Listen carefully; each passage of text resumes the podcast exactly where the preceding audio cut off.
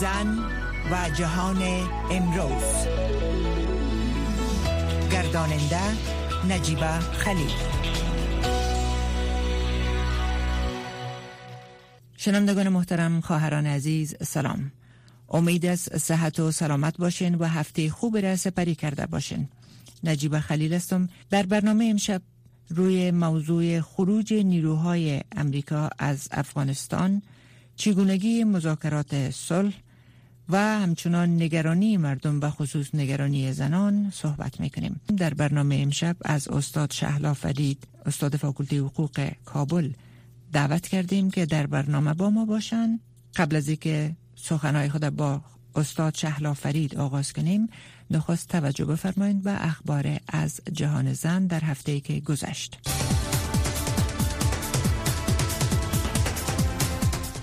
اخبار مربوط به زنان در هفته ای که گذشت.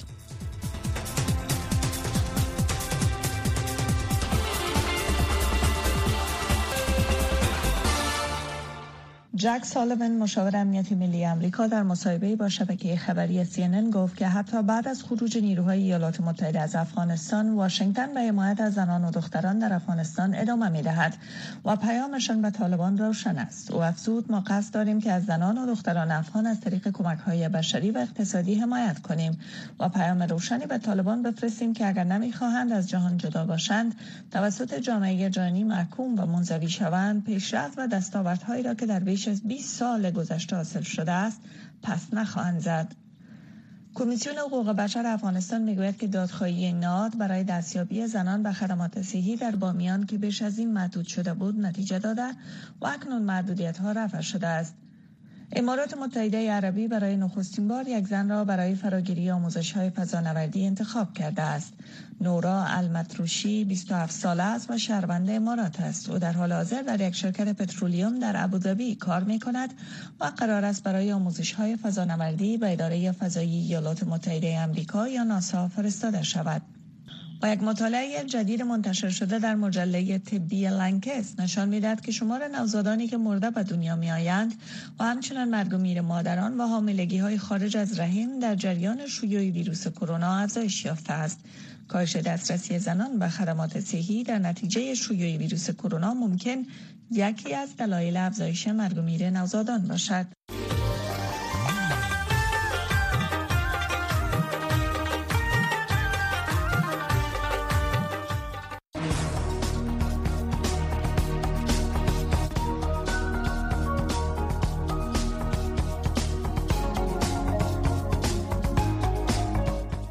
صحبت با مهمان برنامه.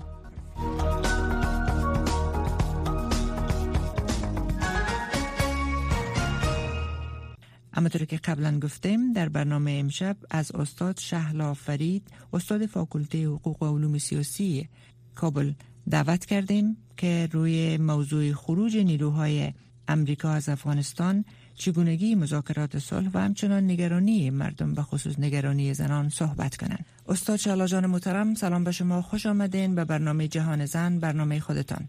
هم سلام و احترام دارم. استاد محترم اما طور که گفتیم ما می‌خوایم سر مسئله خروج نیروهای امریکا از افغانستان بله. صحبت می‌کنیم و ای که عواقب از چی خواهد بود و مخصوصا نگرانی خانم ها نگرانی مردم افغانستان در مجموع به خصوص خانم ها چی فکر می‌کنین که این تصمیم آیا یک تصمیم درست بود و آیا به موقعی بود؟ بله. ببینید فکر می‌کنم برای برای خود امریکا تصمیم درست بود و به موقع بود چون 20 سال ماندنش به کشور و متداوم جنگ برای خود مردم امریکا برای سیاسیون امریکا و برای کسایی که تصمیم از جنگ در در کل بر ناتو.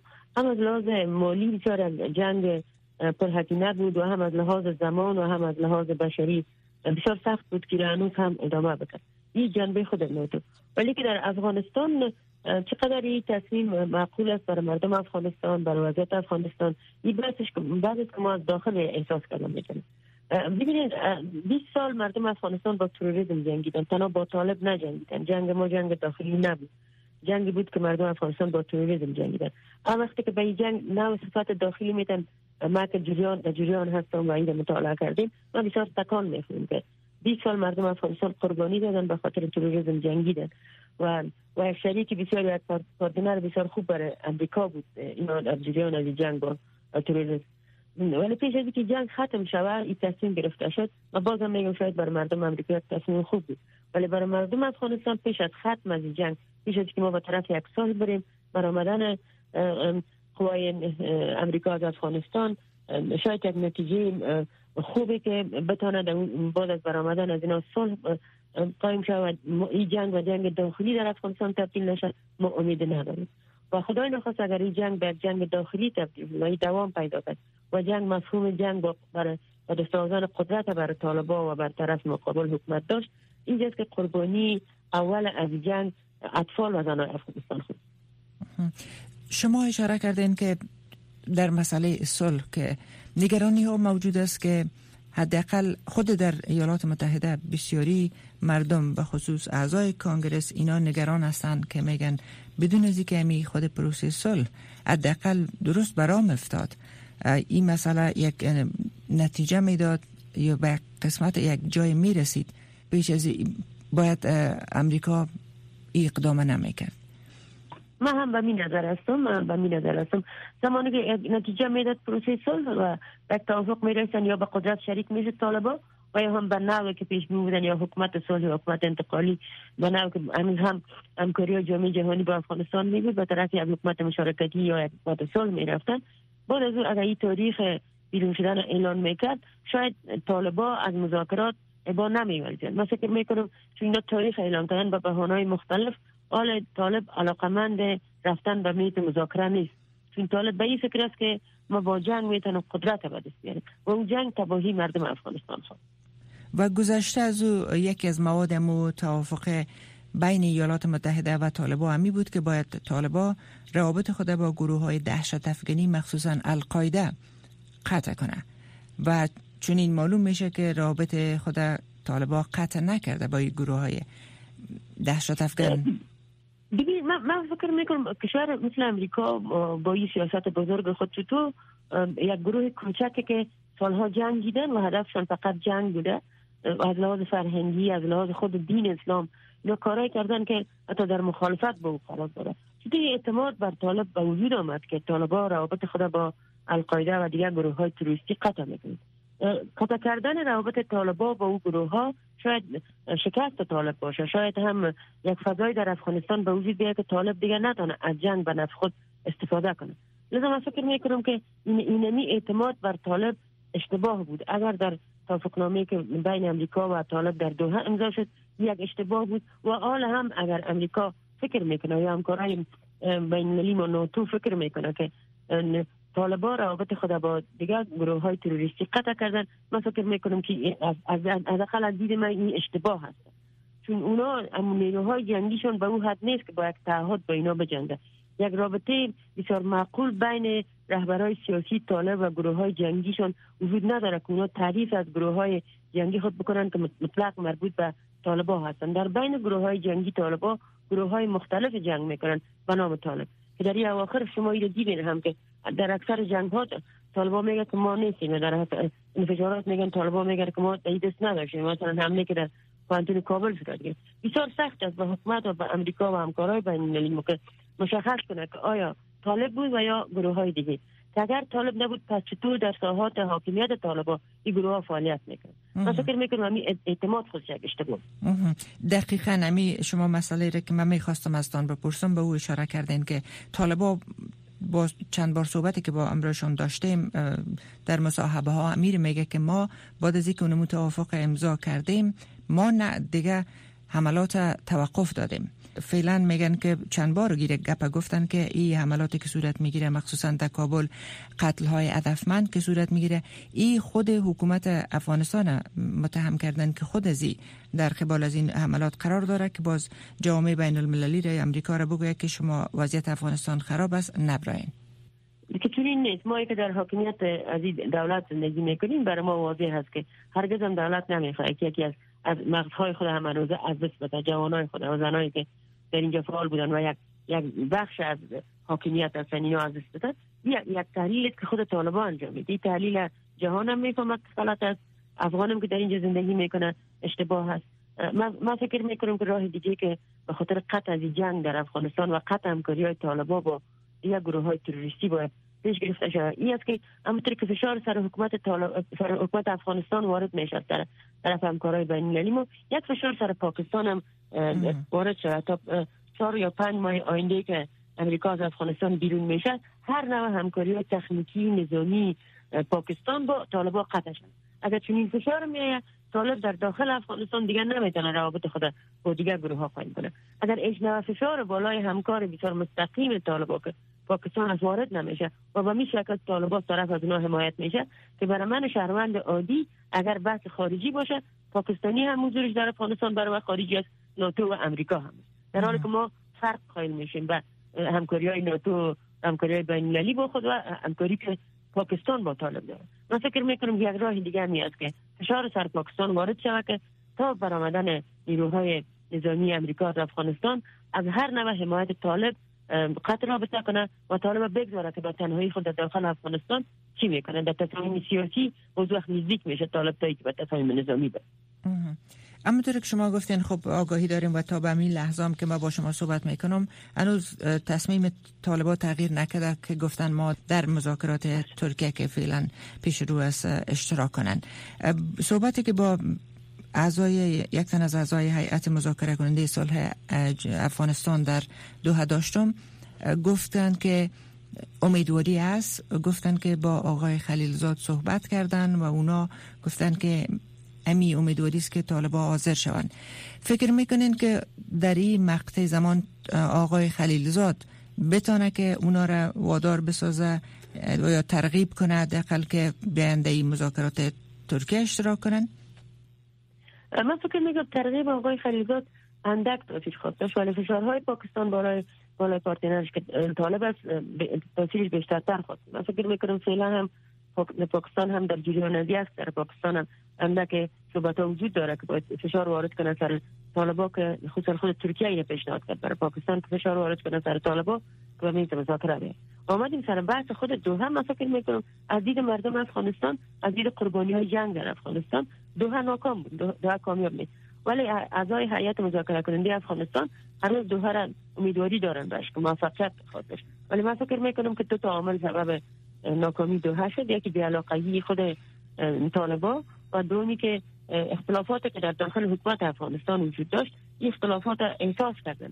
اختلافات در این حکومتی خود افغانستان هم سبب شکست دوحه شد. چیزی که ما زنا از اون میترسیم امی است که هرگاه اختلافات وجود داشته باشد طالب هم یا شریک قدرت شده و نه مستقیم و قدرت داخل شود. این است که اونا احترام به زنان نداره و تغییر در دیدگاهشان وجود نامده چون هنوز اونا قبول نمی‌کنن که بحث موضوع زنای افغانستان یک یک بند از آجندا باشه. شاید در ترکیه هم اگر اینا به مذاکره حاضر شوند اجنا علاقمندی برای بحث بالای حقوق زن اینا نداشته باشه. مثلا من فکر می‌کنم که دوها به طرف ناکامی میره. خوب است که فشارهای زیاد بر نشست استانبول یا ترکیه وارد شود که بالای طالبا وارد شود که طالبا بتونن در این میز مشارکت به می اشاره کردین که سر پاکستان فشار وارد شود. از طرف جامعه بین المللی مخصوصا ترکیه را گفتین. خودمی سوال است که پاکستان چقدر می‌تونه که فشار واقعا وارد کنه؟ یعنی چقدر می‌تونه که صادقانه عمل کنه در مورد در حالی که همواره شکایت ها از جانب خود حکومت افغانستان مقامات رسمیش مردم همی بوده که پاکستان هیچ وقت در برابر افغانستان صادقانه عمل نکرده. من فکر می‌کنم پاکستان در برابر افغانستان صادقانه عمل نمی‌کنه. ولی فشارهای بین المللی صادقانه عمل کردنش با امریکا که متحد نظامیش است فکر می‌کنیم ایره باید امریکا ثابت بسازه حالا اگر امریکا عمل می‌کنه پاکستان عمل می‌کنه در قبل افغانستان هر فشار را که امریکا بالاش وارد کنه می‌تونه او عمل عمل مثبت به نفع افغانستان باشه چون اونا سرشان تاثیرات داره من فکر می‌کنم ولی ایش وقت همونطور که شما گفتین با افغانستان اونا صادق نیست اگر پاکستان با امریکا و با جامعه بین هم صادق نیست پس خوب است که جنگ ما به طرف پاکستان ببریم تا اینکه در افغانستان باشه ما فشار سر طالبا وارد کنیم از اینجا که بدن طرف پاکستان دیگه جنگ به اونا باشه. چون ایش نوع تعهد در در مسائل بین هم ندارن. با مسائلی که با امریکا داره با او هم همکاری نمیکن با افغانستان به هیچ صورت. چون افغانستان اگر آرام شود پاکستان نمی‌خواد در پولی خود یک کشور پیشرفته اقتصادی و کشور که در کل جهان با او همکاری داشته باشه به رسمیت بشناسه و با او همکاری داشته باشه. می‌خواد گروه های مثل طالبان در این قدرت داشته باشه؟ و مستقیم همونطور که حتی برق میسی ما را پاکستان توسط از اینا زد طرف پاکستان بردمش. آهن از افغانستان طرف پاکستان بردمش. چطور می‌گذاره پاکستان که ما در اینجا به عنوان یک کشور آزاد و مستقل عمل کنیم و سرمایه گذاری ها در افغانستان صورت بگیره. در منطقه به ضرر پاکستان. لذا من به این مطمئن هستم که پاکستان صادقانه یک سیاست دروخ در مقابل افغانستان پیش گرفته ولی من فکر می‌کنم که امریکا و جامعه جهانی می‌تونه فشار اینا وارد کنه که حداقل با اونا صادق باشه. دیروز ما صحبت داشتم با جنرال ریچارد مایرز که اونا در افغانستان بار بار سفر کرده بودن و کاملا از اوضاع افغانستان آگاهی دارن. ایده پرسیدم که وقتی که نیروهای بین المللی از افغانستان خارج میشه آیا خود اردوی افغانستان می‌تونه که ظرفیت زیر داره که دفاع کنه از خود پایین که اونا اشاره کردن تقریبا چیزی بود که شما گفتین شورش برپا می‌کنن اینا میرن به پاکستان دوج پناه می‌برن و نیروهای افغانستان نمی‌تونن که اینا رو تعقیب کنن. بنابراین اونا البته نظرشان ای بود که متاسفانه ممکن است که بسیار مشکل باشه برای اردوی افغانستان که بتونه دفاع کند و بجنگ در برابر از اینا. یک مشکل کلان دیگه که در اردوی افغانستان در کل در نیروهای امنیتی افغانستان وجود داره. متاسفانه بحث فساد است بحث فساد مولی هست بحث فساد نظامی در بینشان است از لحاظ تشکیل از لحاظ ما در داخل افغانستان هست میره می‌بینیم اگر وضعیت به نیو وضعیت ادامه پیدا کنه در هیچ صورت هم نمی‌تونن اینا نیروهای جوان ما هم از جنگ خسته شده. شما اگر اردو و پلیس افغانستان متوجه باشین کس از 35 سال عمر بلند نداره دیگه. اونا که به جبه میره ولی جنرالایی که هستن و قمانده میتن شاید اونا سنشان بزرگتر باشه. ولی ما از 35 سال بلند کسی در نیروهای امنیتی خود در پلیس و اردوی خود نداریم اونا همه روزه تلف میشه و متاسفانه متاسفانه خانواده های از اینا برای شرکا گدایی می‌کنن و اونا منده آیداکی دیگر ندارن. فشار بالای خانواده های از اینا هم سبب میشه شاید که اکثریت صفوف جنگ ترک کنه دیگه اونا هم با یک انگیزه نمی جنگن اگر امروز با یک انگیزه می جنگیدن که طالبا می‌خواهند که امریکا از اینجا بیرو شده و طالبا فشار سر دولت افغانستان سر مردم افغانستان میره وقت امریکایی ها بیرو شد دیگه نظامی های افغانستان هم ما فکر نکنم که با اینا مقابل طالب جنگ کنن می‌خوان جنگ خاتمه پیدا کنن این هم جهان و امریکا باید فکر کنه که نیروهای جوان پلیس و اردوی افغانستان هم که انگیزه جنگ در پیششان نیست ولی انگیزه مودی بیشتر از در نزدشان به خاطر پیشبرد زندگی خود به خاطر از اینکه آل دیگه نمی‌تونن با طالب یک جا زندگی کنن با داخل افغانستان این یک انگیزه برشن این هم از بین رفتن می‌تونه. من, من شخصا خودم که در جریان تمام جنگ های چل ساله در افغانستان بودیم در افغانستان امو, امو انگیزه های جنگ که برای از اینکه افغانستان دانت می جنگید با تروریسم ولی بعد این باید جنگ داخلی تبدیل شود شما متوجه باشین که با اردو پلیس هم جنگ داخلی دوام نمی‌تونه اگر طالب در داخل بیایه و روابط خودم با دیگران قطع کنه به اون صورت دو پلیس افغانستان هم جنگ نمی‌کنه. اینو خسته شدن از ما مردم عادی از این وضعیت خسته شدیم. وقتی هر روز ما می‌بینیم که ده ها نفر ما در یک ساعت از جوانای ما کشته میشه یه تحملش بر مردم افغانستان هم سخت میشه. و نه میرن تسلیم میشن نه بیاید طالب هر ظلم که سر ما می‌کنه جنگ خاتمه پیدا کنه. یک صلح غیر معقول غیر عادلانه و غیر بی منطق به وجود خواهد که در باز هم ما قربانی خود درست. شما پیشتر اشاره کردین در مورد نگرانی خانم ها من می‌خواستم می‌خوایم امیر بپرسم که با وجودی که جوامع بین المللی میگن که یک نقطه را بسیار سرش تاکید می‌کنن و فشار میرن که به هیچ صورت وضعیت زنها و دخترها در آنچه که در دوره چهار ساله یا پنج ساله طالبا بود پس به او بر نمیگرده حقوق زن باید حفظ شود و مو دستاوردهایشان آیا شما با وجود از هم نگران هستین؟ من, من فکر می‌کنم که حفظ شدن حقوق زنان با حاکمیت طالبا بسیار سخت است دیدگاهی که در مقابل زنان داره او رو تعبیر به یک دیدگاه دینی و اسلامی می‌کنن اون دیدگاه در نزدشان موجود است. و تمام ولسوالی هایی که اینا تحت حاکمیتشان قرار داره مکاتب دختران بسته هست.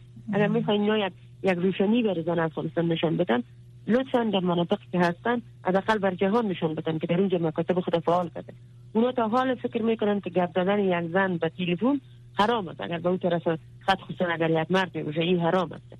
وقتی با چنین فکر خود اونا میاین دوباره با حاکمیت شریک میشن. آیا می‌گذاره ما باید یک استاد برم درس بدم آیا می‌گذاره که او زن پلیس بره و پلیس کار کنه؟ آیا می‌گذاره که دختر جوان افغانستان بره بیرون از افغانستان تحصیل کنه یا در اینجا در صنف مشترک با بچه بشینه تحصیل کنه چون نمی‌تونن اینی وضعیت به وجود بیارن به بهانه ازی که نباید دختر و پسر به صنف یک جا بشینه و امکانات جدا شدن از این هم بسیار دوره. جدا دست می‌کنن چون امکانات موجود نیست. بله. خب اینو اینو هم مکاتب بستن می‌کنن و هم کانتینا رو بستن می‌کنن. و در شعبات ضرور امکان وجود نداره شعبات جداگانه برای زن و مرد ایجاد شده با اون امکاناتی که افغانستان داره. لذا ما فکر می‌کنم که یک صرف یک صحبت است که اونا می‌کنن. از درد اصلی ما که ما واقعیت می‌کنیم یا آگاهی ندارن یا می‌خواین که این اصلا داشت توجه نکنن. مثلا بار بار وقتی که ما امروز خلیطات صحبت می‌کردیم بسیاری وقتا خلیطات در ما گفته که این خصوصیت مردم تا سنتگرا هستن. شما چند نفره که به داخل شهرها هستین و ما بردم کمک کردیم به این حد برسید شما وقتی در خود پکتیا برین چون زنا رو دیگه نمی‌کنید چون زندگی شما همیز بسازین خودتان. همین زندگی بار بار این بود صحبت هایی که ما امروز جناب خلیزاد داشتیم میره گفتن برام. حتی بحث هایی که خود بحث اسلام که زنان چی حق دارن چی دیگه طالبا حاضر نیستن شما این بحث امروزشان داشته باشید و وقت حاضر نیستن پس تغییر نکردن. من فکر می‌کنم که زنای افغانستان ضرورت داره که جهان حمایتشان کنه. و غیر از اون تمامی چیز خودش از آیا شما فکر می‌کنید که زنای افغانستان متحد هستن و هم صدا هستن؟ این مشکل هم در بین زنان هم وجود داره. ما هنوز حرکت های ما به یک جنبش تبدیل نشده. حرکت های ما اما هنگ نبوده. بله ما کارهای کردیم و نمی‌تونیم ما بگیم که هیچ چیز نداریم. ما کارهای کردیم. ولی اکثر کارها بسیار پروژه‌ای بوده و نقد ما این روز از طرف جامعه میشیم. که تمام کارهای زن افغانستان پروژه‌ای بوده و پروژه ها و جامعه جهانی برش مساعد کرد روز وقت امریکا نباشه جامعه جهانی نباشه چون کارها پروژه‌ای بوده ختم میشه و زنا میرن دوباره به خانه میشین و بسیار عادی یک مرد داخل خانواده به زنا میگه با مردم طالبا چی میگه برین در خانه بشین کار نکنید بسیار عادی گپ بین مردم موجود داره؟ لذا من فکر می‌کنم که این یک قربانی است که ما میتیم در حالت عادی و من هم حتی به فکر نیستم که با برآمدن امریکا موافقت نامه صلح امضا شود و طالبا به حاکمیت شریک شدن و یک صلح نسبی در افغانستان بیفته صحبت دو روز قبل با یکی از اعضای هیئت مذاکره کننده صلح افغانستان در دوحه یکی از خانم ها داشتم. اونا یک چیز گفتن که باید صدای واحد از کابل داشته باشیم. به این معنی که ارگ سپیدار تمام اراکین دولت احزاب اینا کلشان باید متحد شوند یک صدا باشن. در او صورت گفت که ما می‌تونیم که باز بسیار گام های استوار برداریم و محکم بریم به سوی امی مذاکرات سال فکر می‌کنید چون این چیز امکانش موجود باشه در کابل؟ ما فکر نکنم که چنین چیز به وجود آمده. و یکی از عوامل که امروز مذاکرات سال به طرف موفقیت نمیره از داخل افغانستان امنیت که یک اختلاف شدید بین سیاسی وجود داره. نه تنها بین سیاسیون حاکم و سایر سیاسی بلکه در بین خود سیاسیون هم احزاب وجود داره. اینا هم نظر نیست وقت اکماندیر صاحب یک صدا بلند می‌کنه یک صدای کاملا متفاوت نسبت به تمام سیاسیون افغانستان اتهاماتی که برای دیگه احزاب وارد می‌کنه برای حاکمیت سیاسی وارد می‌کنه کاملا متفاوت نسبت به دیگر هستن. و متاسفانه متاسفانه تمام احزاب ما سیاسی ما به مو پختگی خود نرسیدن که منفعت ملی خود ترجیح بدن به منفعت شخصی خود.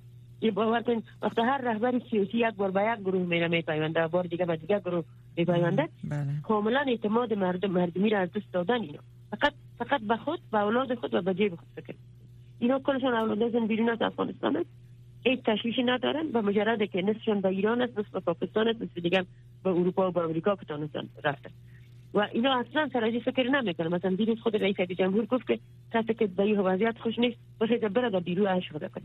ما ما شهروند افغانستان که به وضعیت جنگ خوش نیستم. ما چقدر امکانات رفتن بیرون دارم همون شمایی که دو پاسپورت دارین شمایی که اولاد در بیرون بله. پس دوباره پاسپورت امریکایی جانه یا پاسپورت اروپایی جانه می‌گیرین و از افغانستان میرین ما همون مردم هستیم که هستیم در اینجا. شما چرا ما را مخاطب قرار میدین؟ بیاین متحد شوین که یک صدای واحد از قدرت سیاسی بلند شود حلقه ارگ تغییر بده که تفاوت‌ها به وجود بیاد اگر کنون نمی‌تونن با باور باشین که حتی پلیس هم نمیشه و آخر کسر وزیر داخلات حکومت که او اصلا اصلا بحث پلیس بودن و چی موضوع است چطور یک تصمیم در یک نیروی امنیتی گرفته شده که حداقل پلیس ارگان است که از تنفیذ قانون حرف می‌زنه. او رو تبدیل کردن به نیروهای جنگی. حتی این این مسائل اصلا نمی‌تونم من هیچ شخصی که در این ساحت تجربه داشته پس ما چی امید داشته باشیم که با برآمدن امریکا در من فکر می‌کنم که ما در دهه 60 ما به کشور کودتا تبدیل شده بودیم. شاید چنین چیزی پس اینا کودتا کنن وقتی صدا از هرات بیرون میشه که من قدر مسئله دارم و مسئله خود نمایش میتن صدا شمالی بلند میشه که من قدر مسئله دارم. با طالب می جنگم صدا پنشیر بلند میشه. من قدر مسئله دارم با طالب می جنگم صدا جوزجان بلند میشه. من قدر مسئله دارم با طالب می جنگم پس کدام وحدت؟ کدام وحدت؟ حداقل اینمی وحدت نظامی هم که تحت حاکمیت یک نظام اینا از صلاح خود استفاده کنه وجود نداشت پس تا فعلا خل سلا کردن مردم عادی یک حرف بوده. و از خاطر دزدی وجود داره از خاطر قتل وجود داره. ولی امروز اینا اونمون نیروهای خود بلند می‌کنن با سلاش که ما علیه طالب میده من هیچ امید ندارم که اینا وحدت کنه استاد شهلا فرید استاد فاکولتی حقوق کابل. جان سپاس از اینکه وقتتان در اختیار برنامه خودتان گذاشتین. شکر شما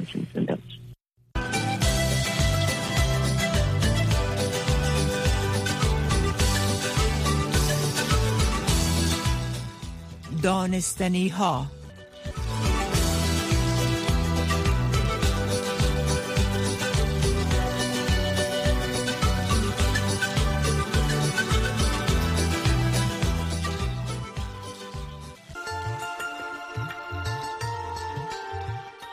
شنوندگان گرامی سلام. روی زمانی هستم و در این بخش برنامه می‌خوایم که روی فواید گندنه براتان کمه معلومات بدم. تب گندنه گرم و نسبتا خشک است. گندنه کوبیده شده برای نرم کردن ورم ها مفید است. گندنه ضد عفونی کننده روده ها است. کسانی که ریماتیزم دارند از گندنه استفاده کرده می توانند گندنه باز کننده ها و گرفتگی ها است. برای جلوگیری از خونریزی بینی گندنه را میده کرده با سرکه مخلوط کنید و روی پیشانی بگذارید. کسانی که نفس تنگی دارند سوپ گندم را با گندنه بخورند. مخلوط گندنه با سرکه باز کننده گرفتگی جگر است. خوردن زیاد گندنه خون را می سوزاند و بینایی را کاهش می دهد گندنه برای کسانی که مزاج گرم دارد باید با گشنیز بخورند. البته زیاد استفاده نشود. گندنه در ایجاد نیرو و قدرت و سلامتی بدن نقش موثر دارد. پتاسیم موجود در گندنه برای کودکان رنجور و کم اشتیا بهترین دارو است. با امید صحت و سلامتی شما.